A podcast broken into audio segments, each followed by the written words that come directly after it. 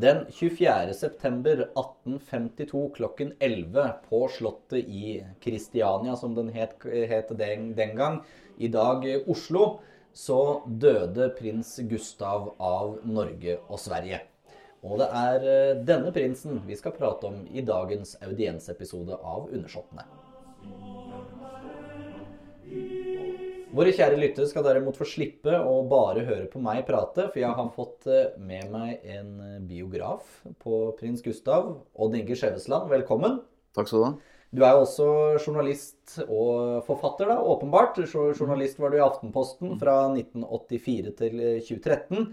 Og av bøker som våre lyttere kanskje har hørt om, så er jo det i hvert fall 'Ministerhotellet', som du skrev i 2005 om den norsk-svenske unionen.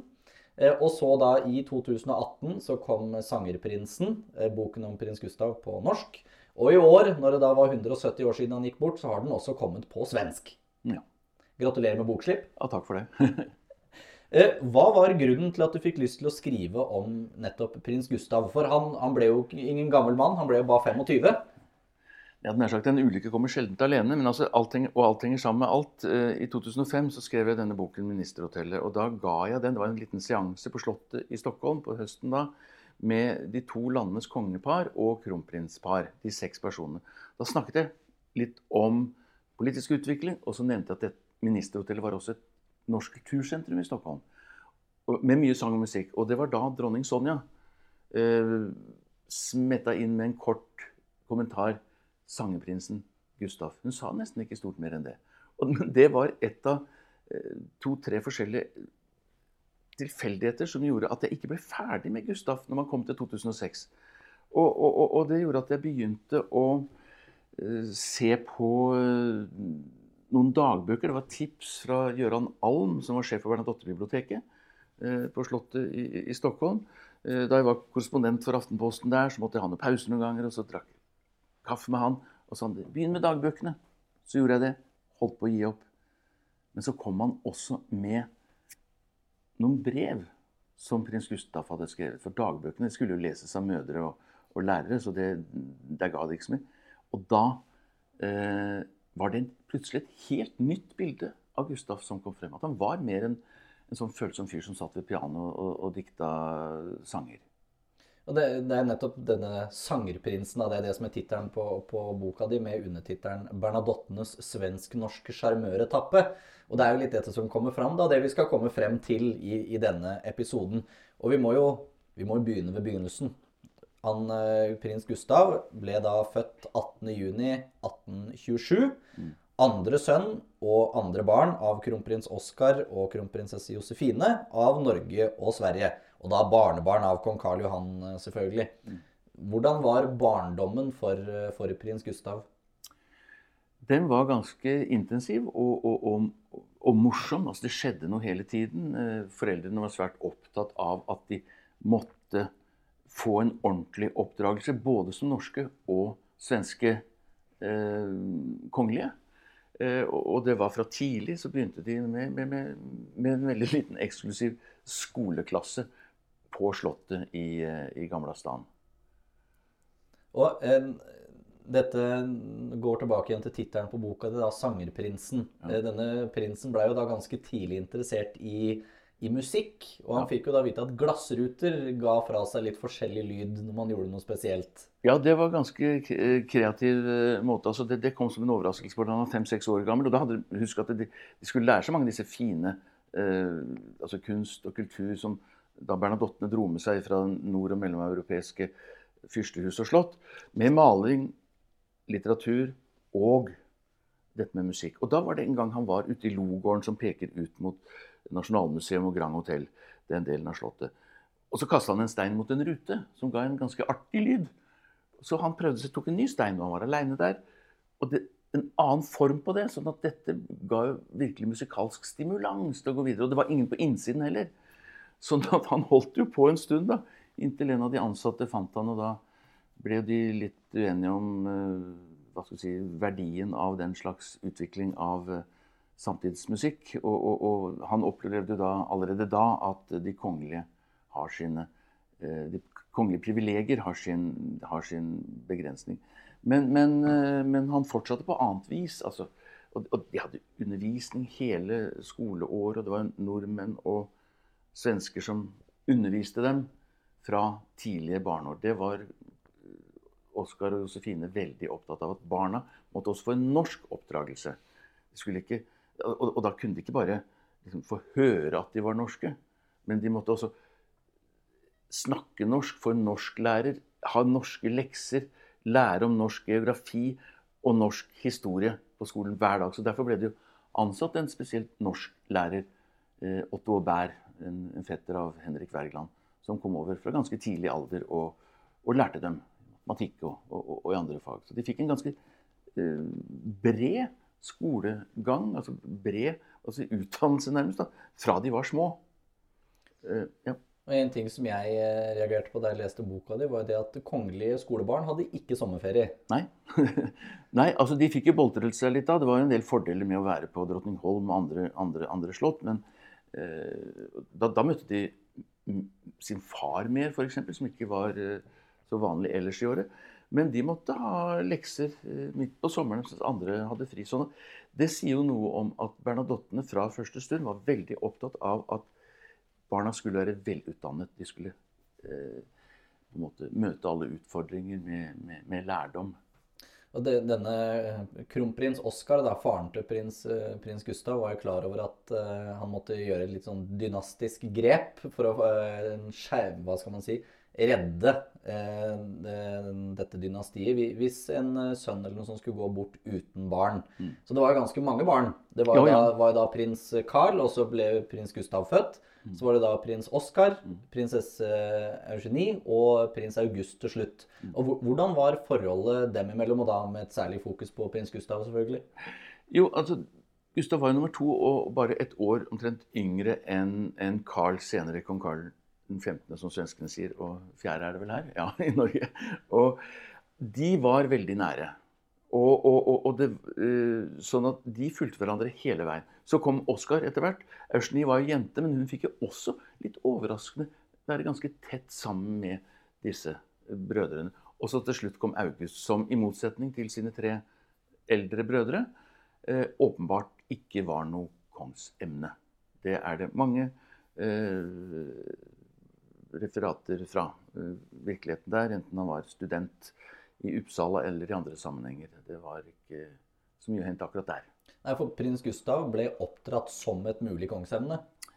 Ja, altså på en måte var han jo nummer to. Men, men, jo, men, men, da vet man jo at man var veldig opptatt av dette. Det var jo noe av grunnen til at, at Karl Johan i sin tid også ble valgt. Man hadde på sånn tannpirkerfutteral en liten tegning, eller maleri da, av, av, av den senere kong Oskar 1., altså far til Gustav. Så da visste man at arverekkefølgen var sikret. Så, altså Nå sto det jo riktignok i, i, i, ekteskapskontrakten at det, Josefine ikke fikk lov til å krølle laken med sin ektemann før hun var blitt 18 år. Men fra da så produksjon, så, så, så var jo arverekkefølgen at det var nesten ikke praktisk mulig å føde barn hyppigere enn det Josefine gjorde. Så den, ble, den, ble, sikret. Ja, og, det, og, dette livet som kall det nummer to da, mm. i, i, arverekken, det kom jo i hvert fall fram etter at kong Karl Johan døde i i 1844. Døde den 8. mars. Og den datoen ble litt spesiell for prins Gustav eh, i tiden etterpå.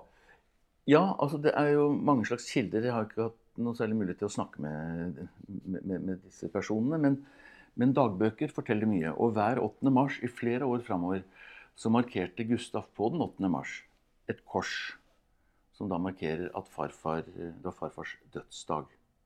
Og det er nå endringene kommer. For faren hans, eh, Oskar, blir jo da kong Oskar den første.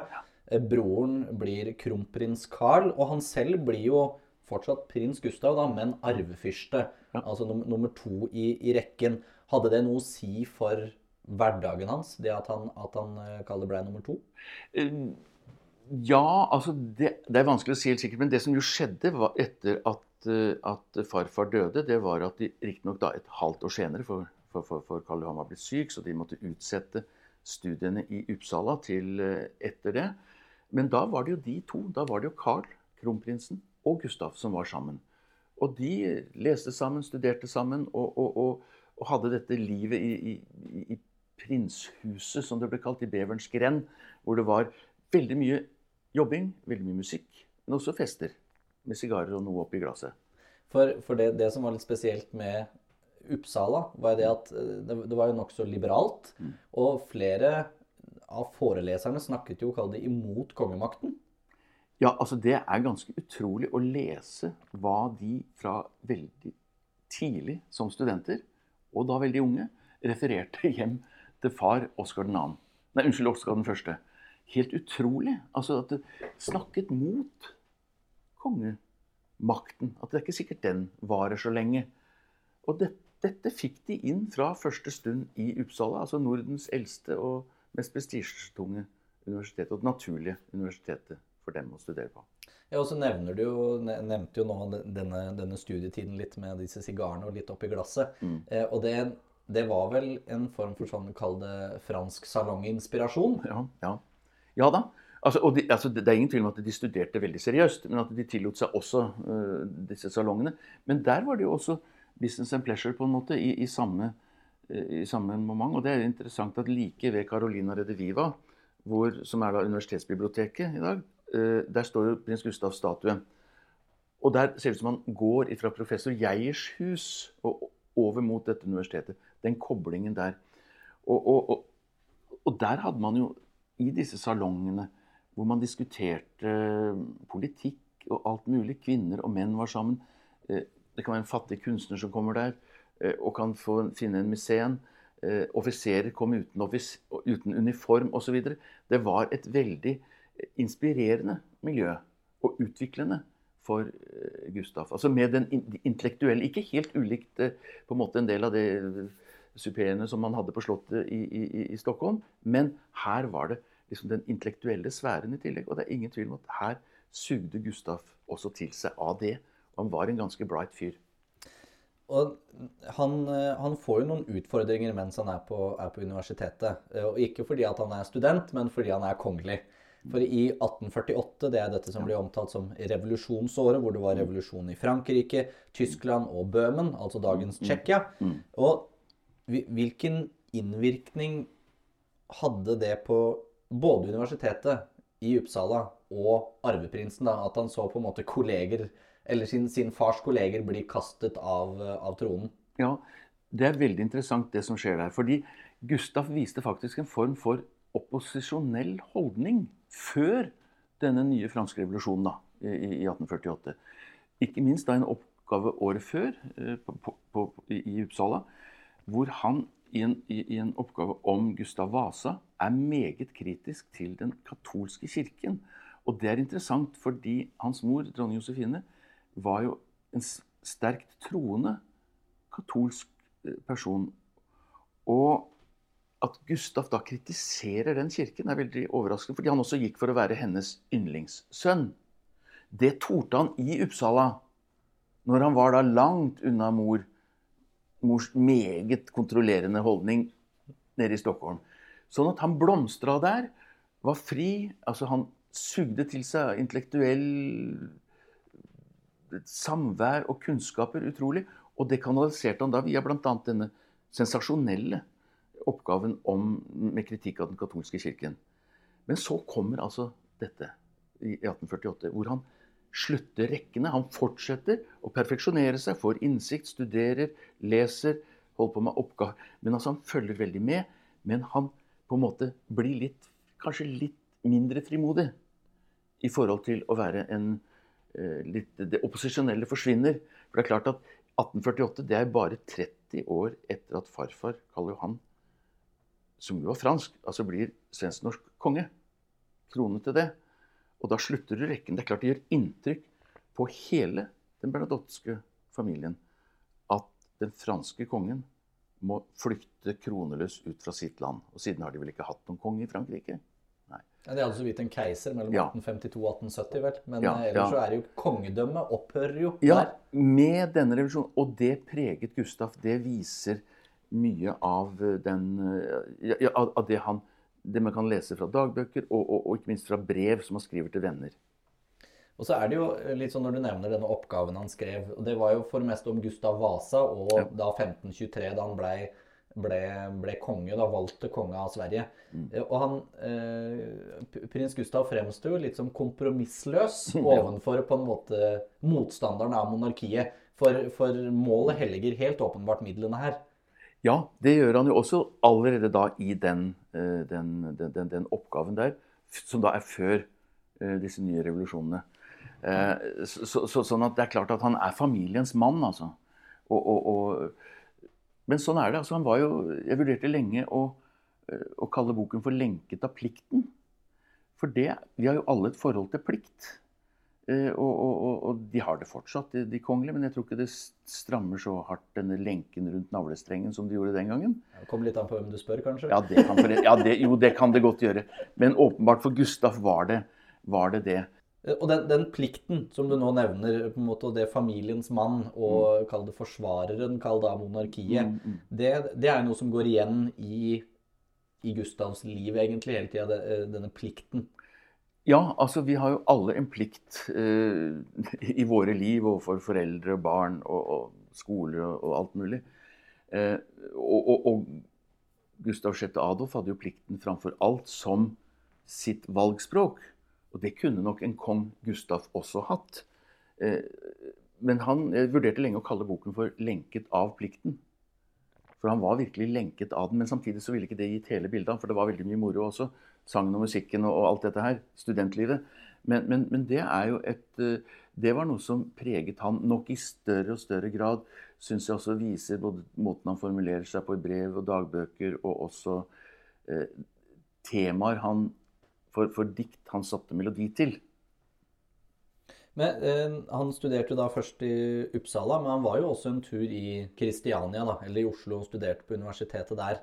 Hva var eh, de, store, de største forskjellene mellom, eh, mellom Uppsala kontra Kristiania? For det er noe du, du skriver litt om i, i boken. Altså, eh, her, var det, her var han jo også da, sammen med storebror Carl. Men han var jo mer i Uppsala.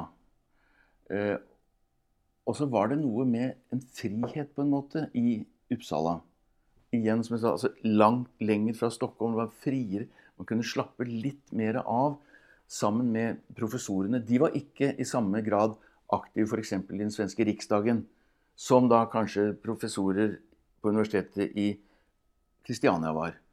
Og det var kort vei, til, kort vei fysisk til Stortinget. Altså det var rett ved. Altså det var større fare. og du vet jo hvordan, altså I ettertid så ser vi så tydelig hvordan Stortinget mye hissigere enn den svenske riksdagen kjempet for en demokratisk utvikling med symbolsak på symbolsak som i sum bare peker fram mot unionsoppløsningen i 1905.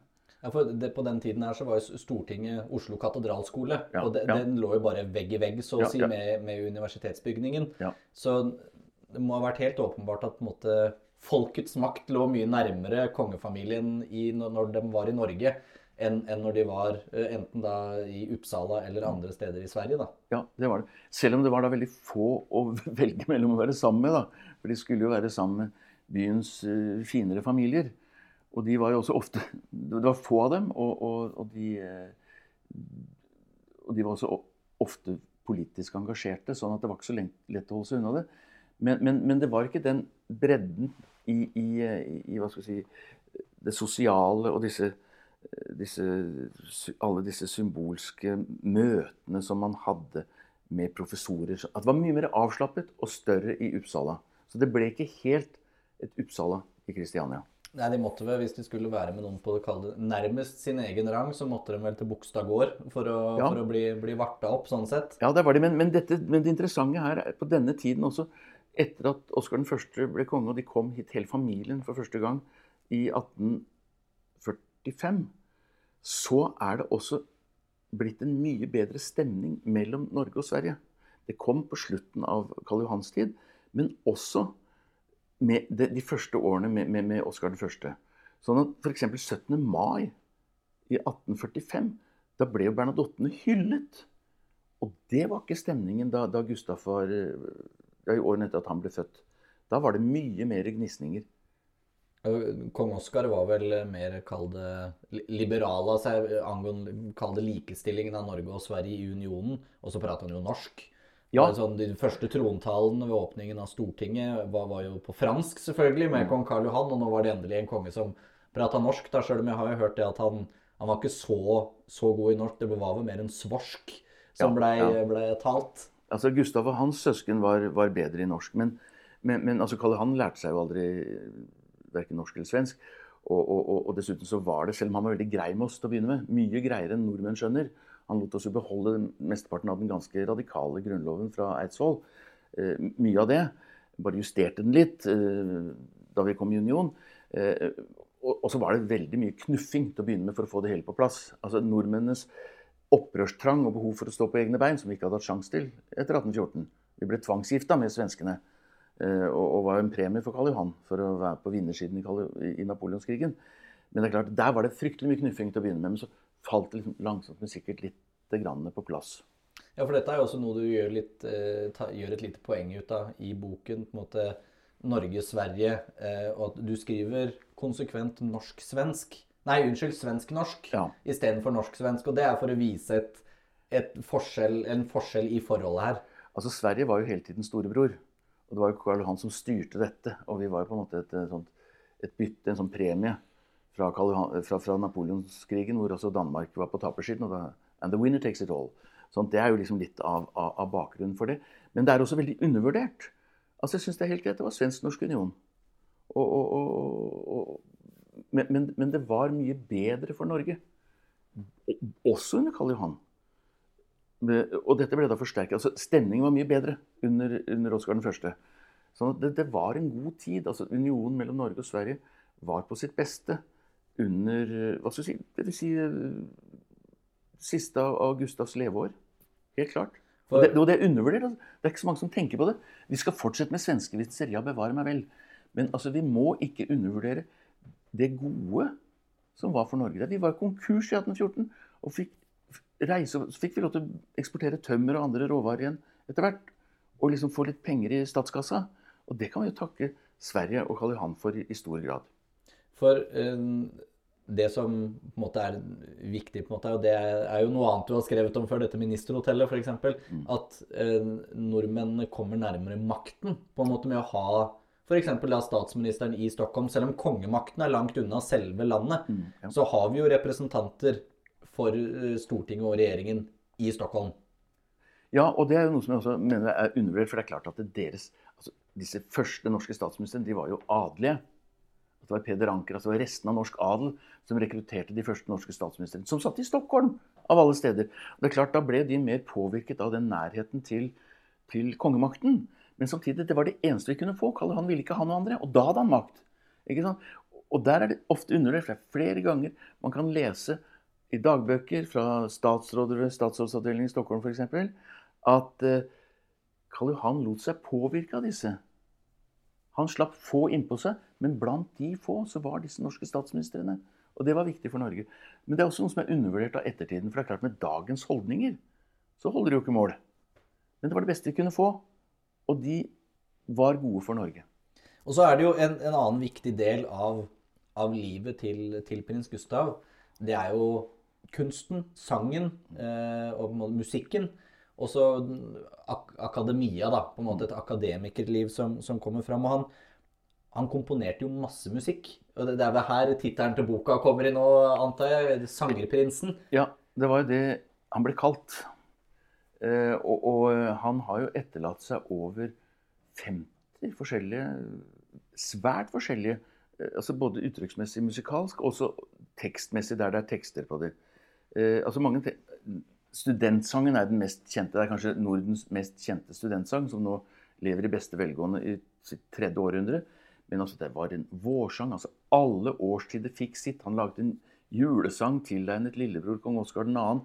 Og så var det i denne bredden hører det også med at da det var nød i Uppsala, så laget han melodi til en slik tekst også. Og to år før han døde selv, altså da han var 23 år gammel, så skriver han en sorgmarsj med undertittelen 'Meg selv tilegnet'. Han skrev melodi til en påskesalme som en gammel biskop hadde skrevet. 'Mine levnadstimer stupa'.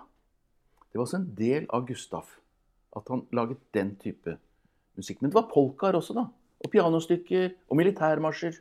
For han var veldig delt. Både på en måte det veldig hyggelige og på en måte det, det fine, f.eks. denne, denne han uh, skrev til, eller komponerte til 42-årsdagen til moren sin. Ja, ja, ja, uh, og, og, så da på andre sida alt dette med kall det død og, og fordervelse, stygt sagt. da. Han var melankoliker også? Ja, veldig melankoliker. Han, eh, og, og det, er, det er jo vanskelig nok å forstå seg selv, så når mitt prosjekt da har vært å komme under huden på en som døde 25 år gammel for 170 år siden, så er det ikke akkurat så lett å være bastant. Men, men, men det er jo denne Altså fra gleden, men også til at jeg noen ganger opplever at han, eh, at han eh, altså på en måte befinner seg på leting etter utgangen fra en ensomhetens labyrint. Jeg tror at han kunne kjent seg igjen i Erik Byes 'Blå salme', eh, hvor det er mye å være glad for, men som det står, at, at livet også har gitt et dunkelt drag som jeg aldri helt forsto. Han hadde dette i seg også. En, en, en sånn bredde. Ingen er bare det vi ser. Og han hadde en, en bredde også, men en skyggeside også. Altså det, det, som er så in interessant med, med, prins Gustav, er at dette er jo ikke noe dårlig uh, komposisjoner heller. Det har blitt på en måte lest gjennom av, av, folk som kan det her, og som gjør at dette her er jo han visste, han visste, hva han prata om, holdt jeg på å si? Ja, og altså, dette har gjort altså, med, med, noen av de fremste musikkeksperter vi har på området. Innenfor, altså Dirigenter og musikere i, i Norge. Det beste. Sier, hm, han visste hva han drev med. Dette var mer enn bare, bare firstemt musikk. Hm, altså, i dette. Sånn at det, Derfor er jeg frimodig på å kunne si det. Ikke bare fordi jeg skal forsvare at jeg skrev bok om han, men, men fordi at han, han var virkelig bra til altså, å lage musikk. Og vi har jo vært så heldige at vi har fått hørt den musikken bli spilt for oss òg, Odd Inge. Da det var uh, på datoen 170 år siden uh, prins Gustav døde, så var det en liten konsert, kall det, og foredrag, av mm. deg inkludert, mm. om, om, prins Gustav på, i Slottskapellet på Slottet. Og det var jo det, det var litt mektig å høre da det, det var en av disse sørgemarsjene som ble spilt helt i starten. Ja. Eh, på en måte I Slottskapellet, der hvor, han, der hvor hans begravelse ble gjennomført. Det kommer vi jo til litt seinere i denne mm. episoden her. Ja. Ja, nei, det er det. Er det. Altså, og det, det, det, gir en Og det, er jo så rart. Altså, men han var ikke bare depressiv. Altså, det er ikke noe grunn til å det, er ikke noe suicidalt i dette. Men at han hadde et tungsinn også. Uh, en liten sånn bevegelse i, i, i, stemningen sin, og kanskje ikke så uh, hopp og sprett uh, som han var mye som barn. Kanskje ikke så mye av det de siste par-tre årene. Litt tynget av plikten, kanskje? Ja, at det er det som, eh, ja, det som gjør at, at, at, det blir litt uh, der nede innimellom? Ja, og litt av alvoret etter disse revolusjonene. Som i 1848, da han var 20-21 år gammel. Og noe av, altså, da skjedde det blant annet altså, Da ble det jo i Gamla stand, like ved Slottet i Stockholm, så ble jo 1820 personer drept. Det sier jo litt om hvor dramatisk dette her var. Det er ikke noe automatikk. At, at de, de, tok jo ikke som en selvfølge at de skulle fortsette å, å, styre Sverige og Norge da. Det var store demonstrasjoner. Og folk krevde ut med kongen, ned med kongen. Han begåa. Og det var, kongen, det var jo kongen selv som beordra at nå skulle det tas frem våpen. Og de demonstrasjonene skulle løses opp, koste hva det koste ville. Ja, etter at han hadde vært fleksibel et par ganger før og skapt begeistring. Liksom, men det var så tøft at, det, at man følte seg truet. Der. Og det var like utenfor. Det var rett like ved hovedinngangen til eh, Det kongelige slott i Gamla stan. Og i, og i, tillegg til musikken, så vi har jo vært inne på det litt, han var jo en akademiker. Og det er jo på en måte det, det er jo noe han også legger igjen når han dør, på en måte, er jo et, et, eh, et godt stykke historikerarbeid, rett og slett, ja. som aldri ble ferdigstilt. Hvor han skrev om en av de første riksdagene som ble holdt, og mm. hva, hva på en måte var kongemakten eh, på en måte mistet eller fikk eh, i løpet av den, den riksdagen. Altså kampen om kongemakten har jo vært der lenge. Eh, og, og, nå har de jo feida ut i, i, Sverige, og der har de jo ikke engang statsråd på Slottet hver fredag, som vi har her i Norge. Men, men, men altså, det var jo det han da tok han utgangspunkt i en gammel, viktig riksdag. Med en aktuell situasjon. For, for altså 18, rundt 1850, eller hele Gustavs liv, så var jo kampen om kongemakten sterk. Altså kongefamilien mot politikerne. Dette presset som vi kjenner mer til i Norge, som endte liksom fram mot parlamentarismen her. Svenskene var litt tregere enn oss der. Altså Den type kamper var han veldig opptatt av, og skrev innsiktsfullt om.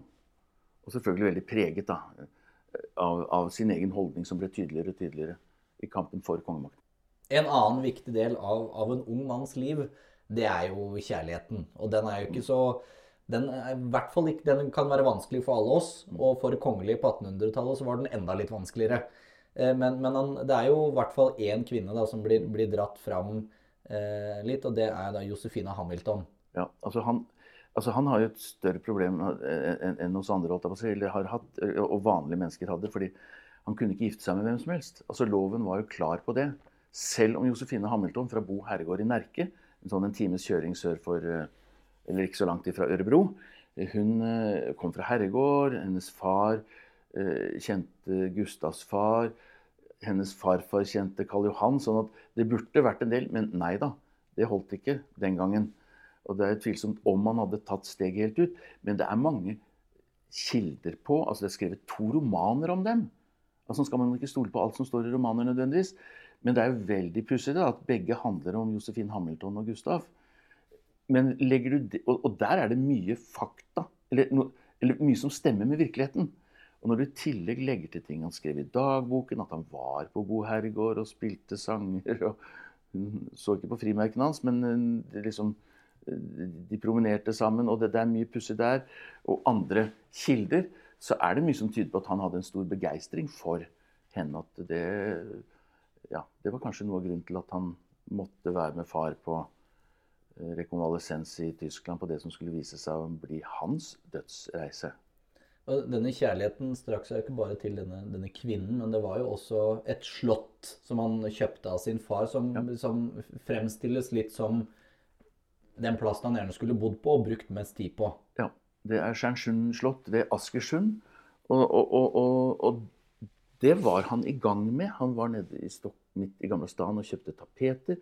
Og hvis man i dag vil se på et sånt herregårdsmiljø uh, intakt fra midten av 1850-tallet, så skal man reise til Stjernsund, til Gustavs eget slott.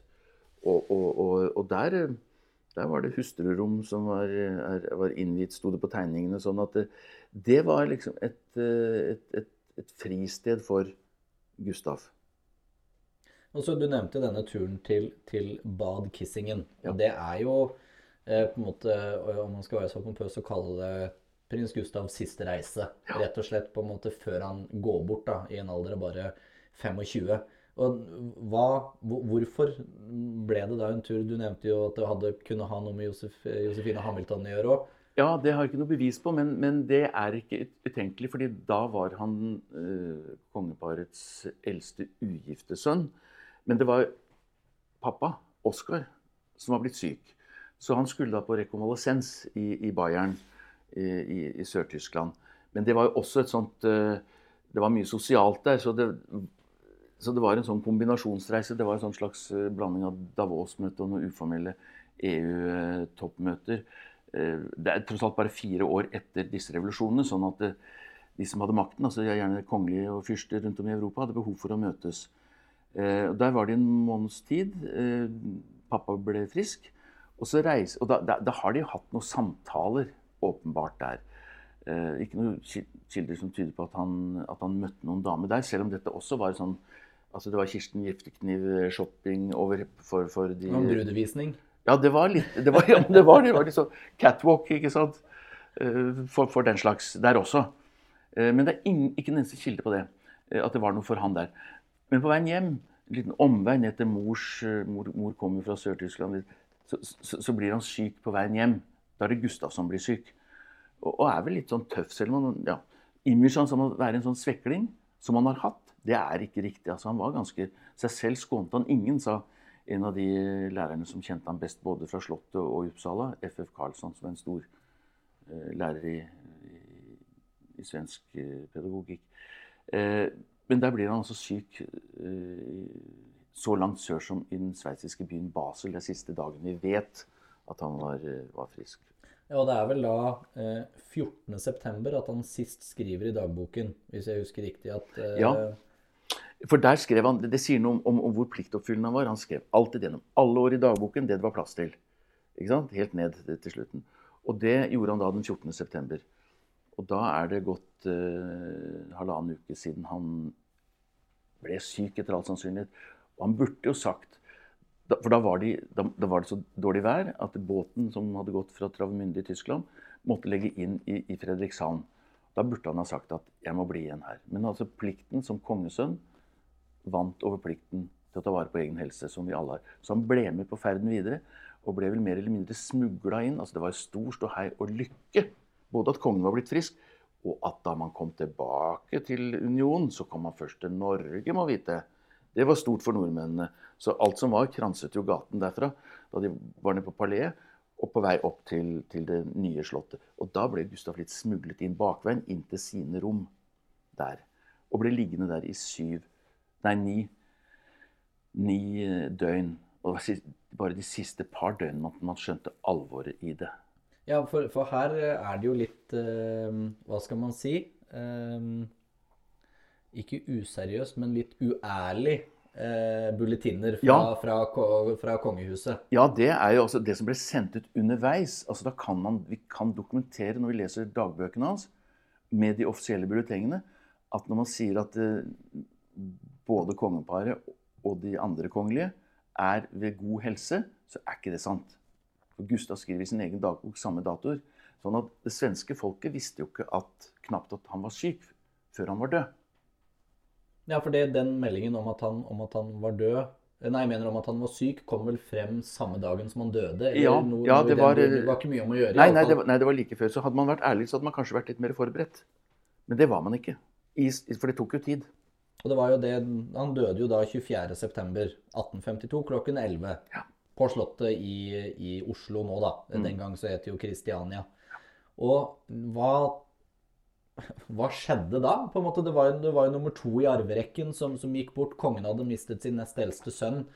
Uh, ja, det var Altså, det, det, kan jo sammenlignes med reaksjonen da kong Olav døde. Vår kong Olav døde i 1991.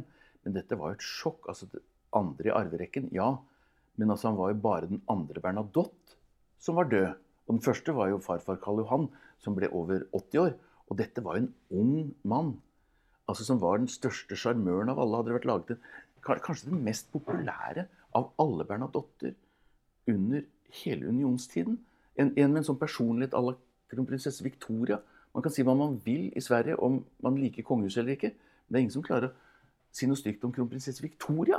Og sånn var prins Gustav også. Sånn at det var et sjokk. Han var bare 25 år gammel. Altså syv år eldre enn Eh, en, eh, en, en eldste barn til dagens uh, kronprins her i Norge. Altså, han var en ung mann. 25 år.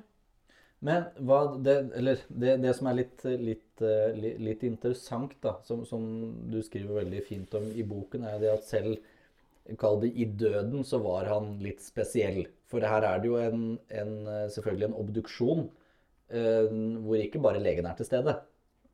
Nei, det var jo til sammen 20 mennesker inne på det av hans to rom hvor han døde under selve obduksjonen dagen etter dødsfallet.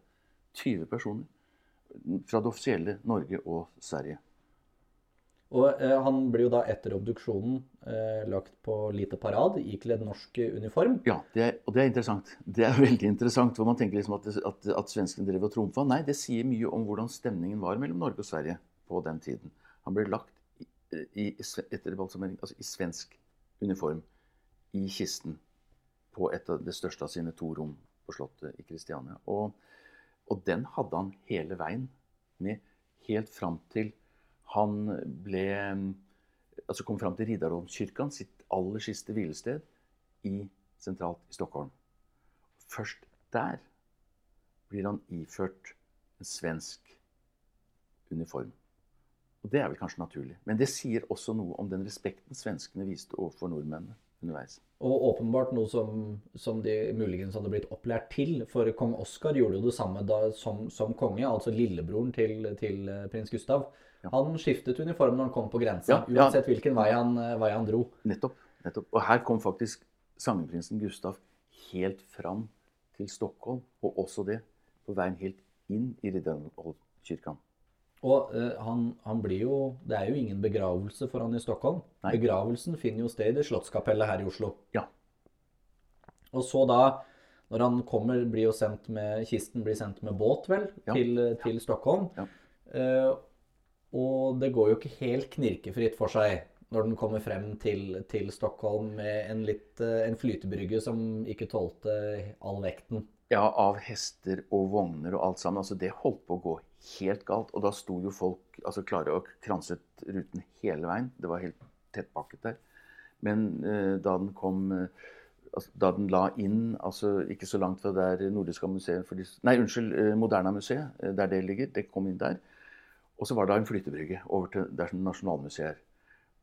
Og da, når disse andre hesten kom med altså pårørende etter, så altså, man måtte bare snu plutselig. Ellers så kunne hele altså, kisten og, og vogn og hester gått i, i vannet der. Altså, det var virkelig krise. Han lå jo da noen dager så- eller på katafalk da, i kiste i, i Riddarholmskirken, før han da ble eh, kall gravlagt eller stedt til hvile da i, i krypten der. Og da var det jo ikke Bernadotte-krypten, for den var jo ikke bygd ennå.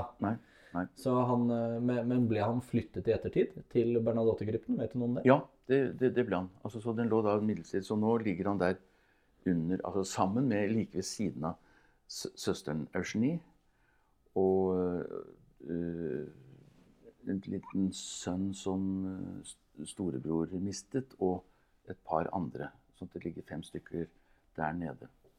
Ja, Det var jo prins Karl Oskar, var det ikke det, som var sønnen til, til Karl 4. av Norge? Mm. Og Karl 15. av Sverige, da, som du nevnte i sted. ja. Og den, hans bortgang er jo på en måte avslutningen på gullalderen i den svensk-norske unionen.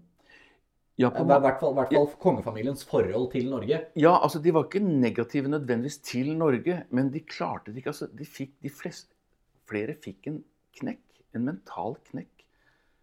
Kong Oskar den første eh, levde åtte år før Gustav døde. Da var han i Norge omtrent eh, en gang i året. Og det tok jo nesten en uke å reise hver vei, så det var ikke så sjeldent.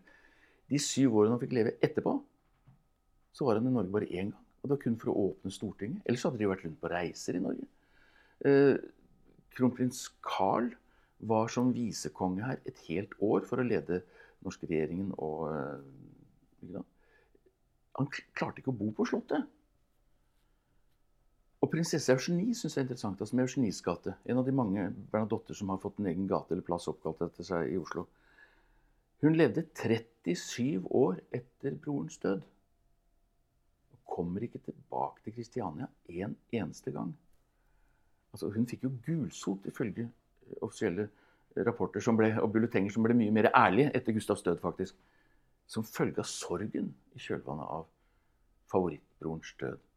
Altså han var både favorittbror til eh, Eugenie og favorittsønn til dronning Josefine. Sånn at det er eh, Altså det var et fullstendig sjokk for dem, og det preget dem på mange måter. Og det, eh, når, noen går bort så, så tidlig, så, så kan man jo eh, begynne å tenke litt kontrafaktisk. Hva hvis?